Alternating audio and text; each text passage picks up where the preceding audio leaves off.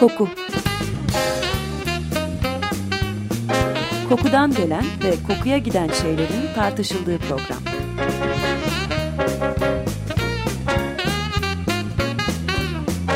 Hazırlayan ve sunan Vedat Ozan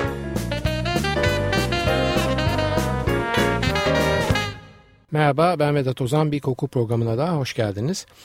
Bu hafta biraz tatlardan, kokulardan ve lezzetlerden bahsedeceğiz. Daha çok sentetik aroma katkılarından veya yiyecek içecek paketlerinin üstünde gördüğümüz şekliyle doğala özdeşlerden.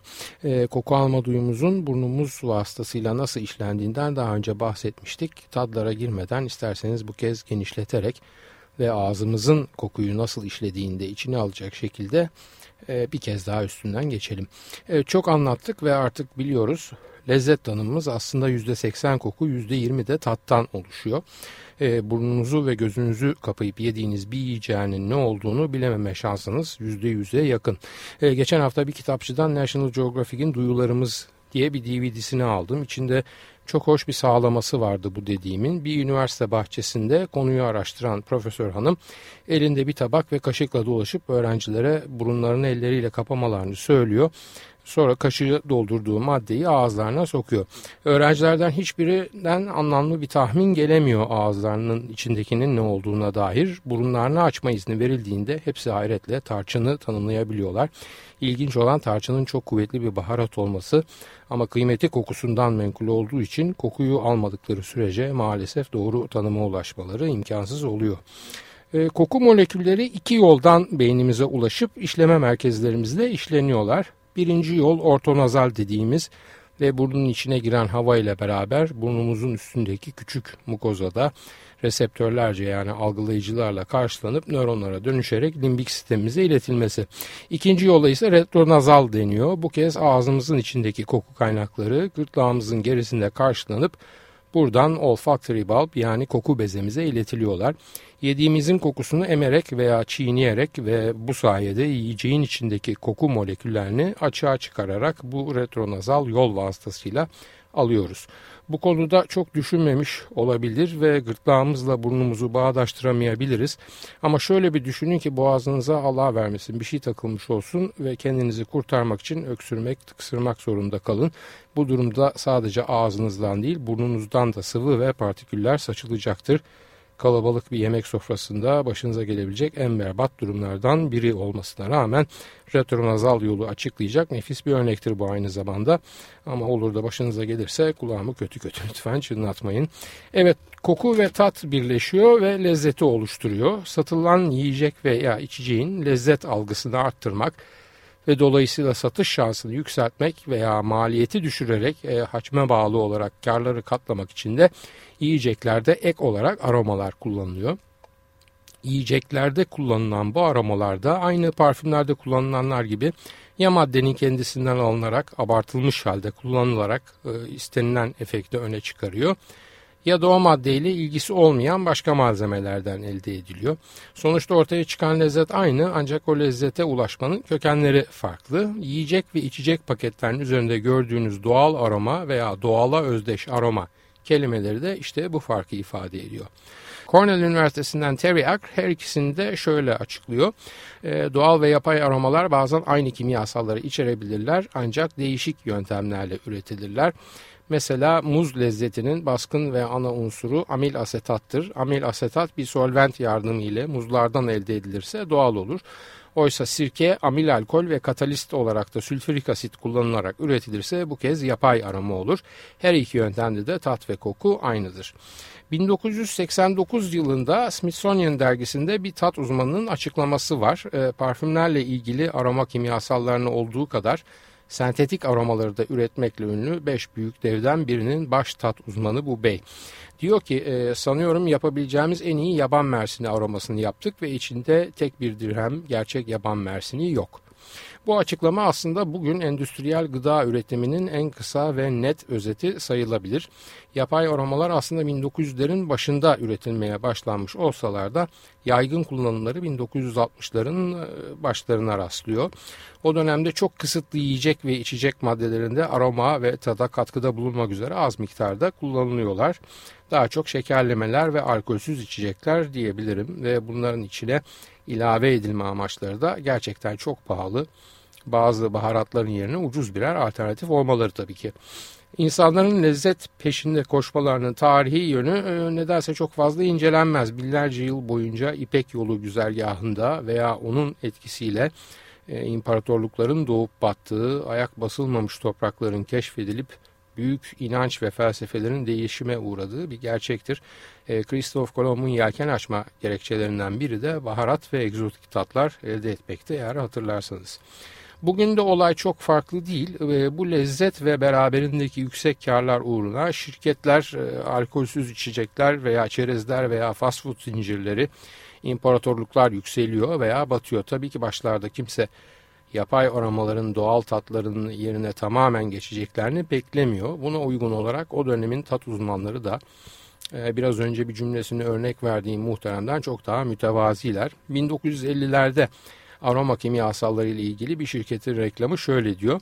Yeni kiraz aromamızı duyurmaktan gurur duyarız. Mükemmeldir ama elbette tabiat anayla mukayese edilemez. Nereden nereye gelmiş söylemler. 1960'larda bu alanda elde edilen her başarı bu çalışanları biraz daha kamçılıyor ve meyvelerden sebzelere, sebzelerden etlere kadar pek çok tadın sentetik olarak yaratılması çabası büyüyor. Elbette hepsinde mükemmel başarı elde edemiyorlar ve bazı aromalar mesela çikolata, kahve veya ekmek e, doğala özdeş bir sentetiğe tam anlamıyla ulaşabilmiş değil. Çok uç örnekler oldu aslında ekmekle çikolata farkındayım.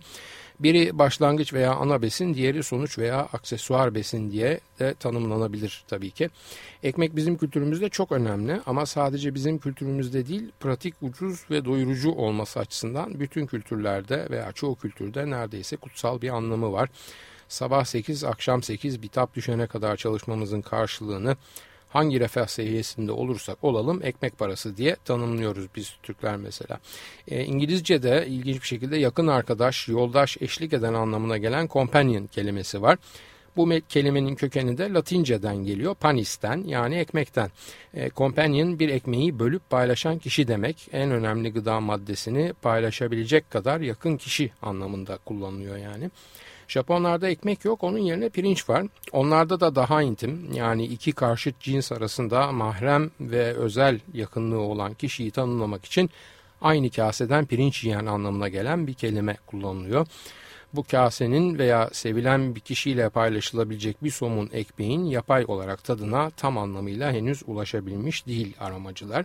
Ancak tadına tam ulaşılamasa bile bunların e, çeşitlendirmesinde yapay aromalar elbette kullanılıyor. Yani vanilyalı kahve veya ne bileyim biberli çikolata vesaire vesaire gibi. Sakızlı Türk kahvesi aradım mesela geçen gün ben ve bana satıcıların önerdiklerinin çoğu sakız aromalı kahveydi. Evet e, bugün için süpermarket raflarında yer alan gıda ürünlerinin neredeyse tamamına yakını bir şekilde bu yapay aromalardan e, bir veya birkaçını içererek bulunuyorlar. Aslında doku ve şekli de halledebilseler belki de tamamen yapay besinlerle besleniyor olacağız. Yani bir mucit kalkıp da sebze proteinlerinden tavuk şeklinde ve dokusunda bir cisim yaratsa e, aroma kimyasalı şirketleri de buna hemen tavuğun göğüs eti tadını, tavuk yağı tadını, tavuk derisi tadını vesaire ilave etmeye hazırlar. Kahve veya fırınlanmış et gibi bazı daha kompleks karmaşık aromalar bine yakın farklı molekül içeriyorlar o tat ve kokuya ulaşmak için. Çilek kokusu mesela 350 e, değişik aroma molekülünden oluşuyor. İnsanların yiyeceğe has olarak bildikleri koku o kadar eser miktarda ki aslında bu yiyeceklerin içinde bildiğimiz mutfak ölçüleri yani bir kaşık şundan bir tutam bundan gibi bir tanımlama bile o miktarların yanında dev gibi kalıyor. Dolmalık bibere o has kokusunu veren molekül mesela milyarda 0.02 oranında. Ancak mevcut içinde bir damlasıyla bir koca olimpik havuzu pişmemiş biber dolması gibi kokutabilirsiniz neredeyse demek bu. Bu lezzet katkısı bu nedenle miktara göre sıralanan o minicik etiket bilgilerinde sondan bir önceki veya ondan bir önceki sırada falan yer alıyorlar. Alkolsüz içeceklerde bu aromaların neredeyse kullanma şampiyonları tahmin edebileceğiniz gibi. Ucuz da bu aromalar bir teneke kutu kolada size o lezzeti veren aromanın maliyeti bir kuruşun yarısından az neredeyse çeyrek kuruş kadar gibi. Teneke maliyeti aroma maliyetinden kat kat yukarıda demek oluyor bu tabi. E, aromalar pek çok farklı molekülün bileşiminden oluşmalarına rağmen bazen baskın kokuyu veren tek bir molekülde olabiliyor. Tam lezzeti vermese bile o tek molekül size kesin olarak ne olduğuna dair fikir verebiliyor demek istiyorum. Etil 2 metil bütirat mesela elma demektir. Metil 2 pridil keton patlamış mısırdır vesaire vesaire gibi böyle pek çok örnek var.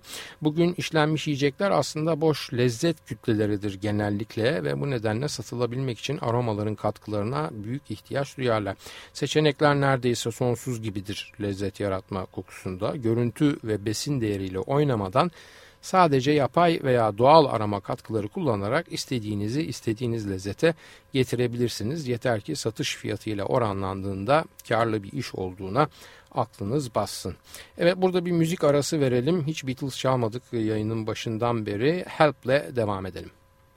Help, I need somebody help, not just anybody help, you know I need someone younger, so much younger than today. I never, needed anybody's help in any way. But now these days are gone, I'm not so self-assured. Now I find, now I find I've changed my mind and open up the doors.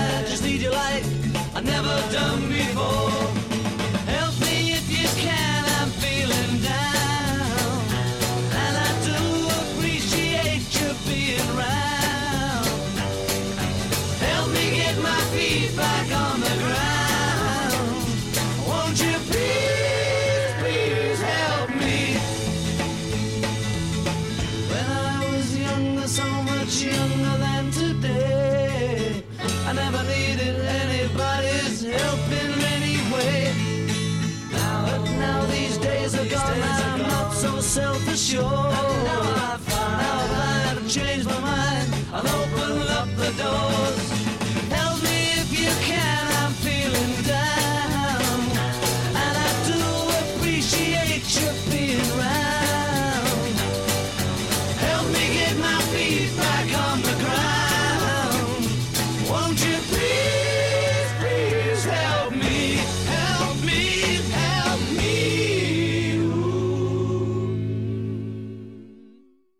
Açık Radyo 94.9 Koku programındayız. The Beatles'tan dinledik Help. Aromalarla devam ediyoruz programımıza. Ee, canınızı sıkmayacağımı umarak şimdi size o en büyük fast food zincirinin en büyük rakibinin hani şu kömür ateşindeki bulgerleriyle ünlenen e, ki burada o isliyet kokusunu temin eden aroma kimyasalı fabrikasında ayrıca kutlamak lazım. Bu e, rakip firmanın çilekli milkshake formülünü okuyacağım. Formül derken elbette oranları vermeyeceğim. Sadece içerik maddelerinin isimlerini sayacağım. Sabrınız ve sabrım el verdiği sürece. Evet çilekli milkshake şunlardan oluşur. Amil asetat, amil butrat, amil valerat, anetol, anisil format, benzil asetat, benzil izobutrat, buturik asit, sinamil izobutrat, sinamil valerat, konyak esans yağı, diasetil, e, dipropil keton, etil asetat, etil amil keton, etil butirat vesaire vesaire vesaire çok uzun devam ediyor bu. Nane esans yağı, neroli esans yağı, nerolin, neril izobütürat, süsen yağı, feniletil alkol, gül esans yağı, rum eteri, vanilin ve çözücüler vesaire vesaire diye bu saydıklarım böyle bir e, burger zincirine gittiğinizde sütün içine katılarak size çilekli milkshake e, hissini veren e, bir takım katkı maddeleri. Aroma alanındaki gelişmeyi hızlandıran aslında parfümler konusunda bahsetmiş olduğumuz gaz kromatograf cihazı. Bu cihaz sayesinde her şeyin kokusu bir kaba hapsedilip daha sonra hangi moleküllerden oluştuğu analiz edilebiliyor ve eğer ekonomik olarak şirket için anlamlıysa tabii ki üretilebiliyor. Bu analiz sonucu belki o yiyeceğin doğalının kokusu yüzlerce molekülden meydana gelmiş bir şekilde ortaya çıkabiliyor. Ancak bu şirketler bu yüzlerce molekül içinden o yiyeceğe ait en karakteristik olan pek azını kullanıp bu yapay aramayı üretebiliyorlar az önce anlattığım gibi. Elimine edilen azınlık moleküller yerine daha fazla kullanılan karakteristik moleküller de bizim yapay olanları daha lezzetli olarak algılamamızı sağlıyor. Gene parfümlerde olduğu gibi lezzet aromalarında da hoş olmayan kokular kullanılarak hoş sonuçlara gidiliyor ve sinerji her zaman için çok önemli. Mesela ter kokusunda bulunan bazı moleküller yapay rom veya tereyağı aroması yapmak için mutlaka gerekli. Aynı şekilde peynir veya fındık aromaları da dışkı kokusundaki bazı molekülleri ortak olarak kullanıyorlar. İşlenmiş gıda ürünleri yani pişmiş olarak satın aldığınız bazı donmuş gıdalara dipten hafif bir yanık kokusu veriliyor ki bizdeki o pişirilme simülasyonu tam olarak algılanabilsin. Veya tenekede satılan yapay domates e, ürünlerine tam beklediğimiz gibi çok az da teneke kokusu ilave ediliyor. Bütün bu grafik dokunuşlar diyebileceğim rötuşlar bir araya geldiğinde bize sanal bir tat ve koku dünyası sunuyorlar ve biz de bu dünyayı kabullenip içinde yaşıyoruz. Tabi işlerin başlangıcındaki tevazu da yerini inanılmaz bir böbürlenmeye bırakmış durumda e, tabiat anaya saygının yerini öyle bir Hindistan cevizi aroması yaptık ki Hindistan cevizinden daha Hindistan cevizi söylemleri almış durumda. Zaten zamanla ve nesil değiştikçe gerçekliğe ilişkin referanslarda haliyle değişmeye başlıyor. Ağzınızı sulandıracak belirgin tadıyla nefis bir yapay portakal aromasının yanında hafiften ekşi bir gerçek portakal hangisinin yapay hangisinin doğal olduğu konusunda sizi çok kolay yanıltabilir. Üstelik doğal meyve ve sebzeler sadece mevsimlerinde bulunurken yapay olanlar her mevsim hem de lezzetlerinin doğruğunda olarak mevcutlar. Bazı sentetik aromaların gene parfüm içerik maddelerinde olduğu gibi doğada örneği yok. Mesela meşrubatlara katılan kola cevizi aroması aslında bildiğiniz gibi Amerikalı bir eczacının icadı ve gerçek kola ceviziyle tat olarak hiçbir benzerliği yok. Bu tip doğalı olmayan aromalara fantazi tatlar deniyor. Çok sık kullanılmıyorlar çünkü genelde tercih edilenler tabii ki doğayı iyi taklit edebilen aromalar oluyor. Dünyanın en büyük fast food e, şirketi e, yani o bildiğiniz hamburger zincirinin kurucusu Ray Kroc kızarmış patates için mukaddes bir üründür diyor ve devam ediyor. Hazırlanması sanki bir dinsel ayin gibidir ve kurallara sıkı sıkıya uyularak yapılması gerekir. Kızarmış patatesin fast foodcu için kutsallığı nereden geliyor? Elbette tamamen dünyevi sebeplerden geliyor. Kutsallıkla hiçbir ilgisi yok. Çünkü bu zincir veya benzerleri her ne kadar hamburgerci veya kızarmış tavukçu diye bilinseler de sattıkları ürünler içinde en karlı olanı kızarmış patates. Zaten bunun için sadece hamburger satın almanızdansa size menü satmayı tercih ederek araya patatesi de sokuşturuveriyorlar. Bu zincirin kuruluş yıllarında işlerin hacmi küçük ve patatesler her sabah sıfırdan başlanarak hazırlanıyor. Patatesler soyuluyor, şerit halinde kesiliyor ve zincire bağlı restoranların mutfaklarında kızaltılarak satılıyor. Ancak bu fast food zinciri Amerika çapında büyümeye başlayıp restoran sayısı arttıkça tabii bu kez işçilik maliyetini nasıl düşürebiliriz? Bütün patatesleri tek bir tedarikçiden nasıl alabiliriz? ve bütün restoranlarımızda aynı lezzette olmasını nasıl sağlayabiliriz gibi sorular da gündeme geliyor. 1966 yılında bu endişeleri gidermek için patatesleri dondurmaya ve öyle sevk etmeye başlıyorlar ve tabii pek az müşteri bunun farkına varıyor. Bu hamle aslında önce Amerikalıların daha sonra da dünyanın onun peşinde olan diğer kültürlerinin beslenme alışkanlıklarında köklü bir değişiklik yapıyor ve artık işlenmiş gıda diye bir kavram günlük hayatların içine giriveriyor ve inanılmaz bir hızla yayılıyor. Bu dondurma olayı başladığında bir Amerikalının ortalama donmuş kızarmış patates tüketimi 1,5 kiloyken 2000 yılında 23 kiloya kadar çıkıyor. Yani yemek malzemesini ham olarak almıyorsunuz artık da e, ya yarı yarıya hazırlanmış olarak alıp kalan kısmını tamamlıyor ve pişiriyorsunuz ya da tam hazırlanmış olarak alıp sadece ısıtıyorsunuz. Bugün için örneğimizde söz konusu olan kızarmış patatesler artık e, işi sadece bu olan dev tesislerde dondurularak depolara ve restoranlara sevk ediliyor. Peki bu iş başladığında ve geliştiğinde diğer fast food zincirleri de aynı üreticiden patates almalarına, aynı pişirme ekipmanlarını kullanmalarına rağmen neden bu zincirin patatesi daha çok seviliyor ve artık o patatesle büyüyen nesil için hafızalarında neredeyse jenerik bir yer ediniyor. Bunun sebebi ne patatesin tohumunun cinsinde ne işlendiği fabrikada ne de pişirme ekipmanında yatıyor. İşin sırrı bu patateslerin piştiği yağda gizli. 10 yıllar boyunca bu zincirin restoranlarında patatesler özel bir yağ karışımı içinde kızartılıyorlar. Bu yağ karışımının yaklaşık %7'si e, pamuk çekirdeği yağ, geri kalanı ise don yağı veya iç yağ veya genel tanımla hayvani yağ. O kızarmış patatese böyle ayrıcalıklı bir lezzeti ve aynı zamanda eşlik ettiği hamburgerin 1 gramında mevcut olandan daha fazla hayvani yağ işte bu yağ karışımı veriyor. 1990'larda kızarmış patateslerine kolesterol endişesiyle güçlü eleştiriler geliyor ve sonunda zincir tamamen nebati yağlara geçiş yapıyor. Geçiş yapıyor ama tabii bu kez bir sorunla karşılaşıyorlar. O patatesleri iç yağ kullanmadan nasıl o hafif derinden gelen biftek lezzetini verecekler. Şimdi bu zincirin sitesine girip e, kızarmış patatesin besin değerlerine ve içeriğine bakarsanız bulunan çözümü de göreceksiniz. Listenin sonuna doğru mucizevi bir terim var doğal aroma diye. Bu terim sadece o kızarmış patateslerin neden bu kadar lezzetli geldiğini değil, bu ve diğer e, bütün fast food zincirlerindeki pek çok yiyecek ve içeceğin de sırrını açıklıyor aslında. Ancak tabii her ne kadar doğal olanları çok iyi taklit etseler ve bugün her marketin rafında ürettikleri yapay aromalarla boy gösterseler de yapay gıda aromalarına ve onları üreten şirketlere karşı doğal bir tepki var.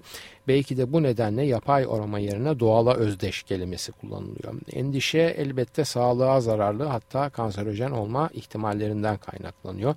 Ancak özellikle genç nesil olduğundan da güçlü aromalara alıştığı ve onları gerçek tatların yerine gerçekmiş gibi referans almaya devam ettiği sürece yapay aroma karşıtlarının işi kolay değil. Yapay aromalara karşı yükselen muhalefetlerden biri de güçlü kullanılarak bazı besin değeri düşük ancak tabii ki karlılığı yüksek e, yiyecek ve özellikle içecekleri cazip hale getirmeleri ve kof tüketimi körüklemeleri. Bu muhalefet karşısında milyarlarca dolarlık yapay aroma endüstrisi de elbette boş durmuyor. Bazı zararlı doğal besinlerin mesela yağ, şeker veya tuz yerine zararsız alternatifler sunduklarını söylüyorlar ki bu alternatiflerin hepsi de ayrı ayrı tartışılır tabii ki. Düşük besin değerli içeceklere kattıkları yüksek volümlü cazip aromalar iddiası karşısında da onlar da bu kez besin değeri yüksek ancak tadı çekici olmayan yiyecekleri de tüketilir hale getirdiklerinin unutulmaması gerektiğini söylüyorlar. Bunun dışında da pek çok lobi faaliyeti ve aslında doğal aromaların sağlıksız olduğuna dair pek çok bildiriyle onlar da bu kavganın içinde kendi cephelerini oluşturuyorlar. Onlara göre yani 70'lerde yayınladıkları bir bildiriye atıfta bulunarak söylüyorum. Doğal yiyecekler yenmek dışında amaçlar için e, bitki ve organizmalar tarafından üretilmiş vahşi birer karışım.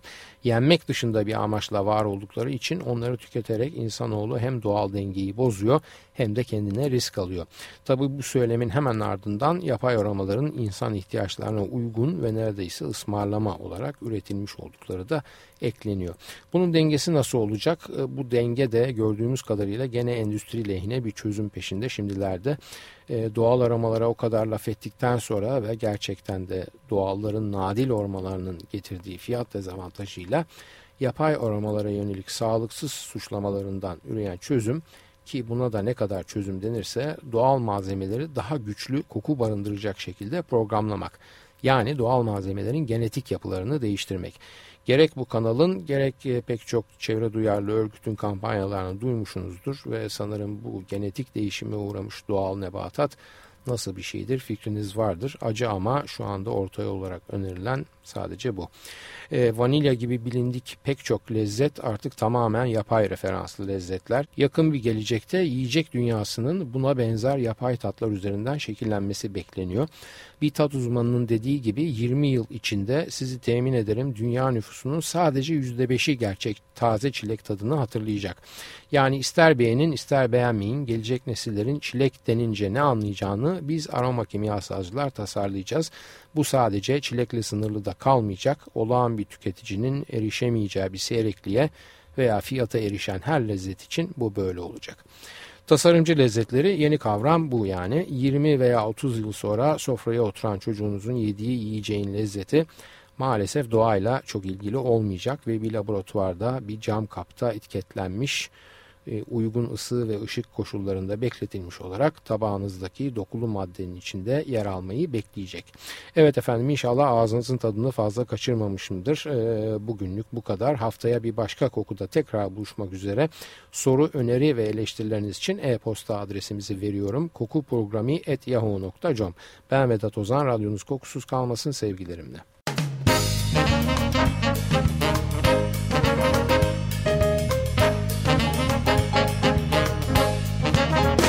Koku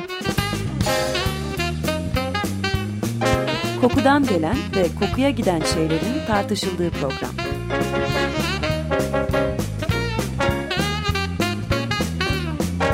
Hazırlayan ve sunan Vedat Ozan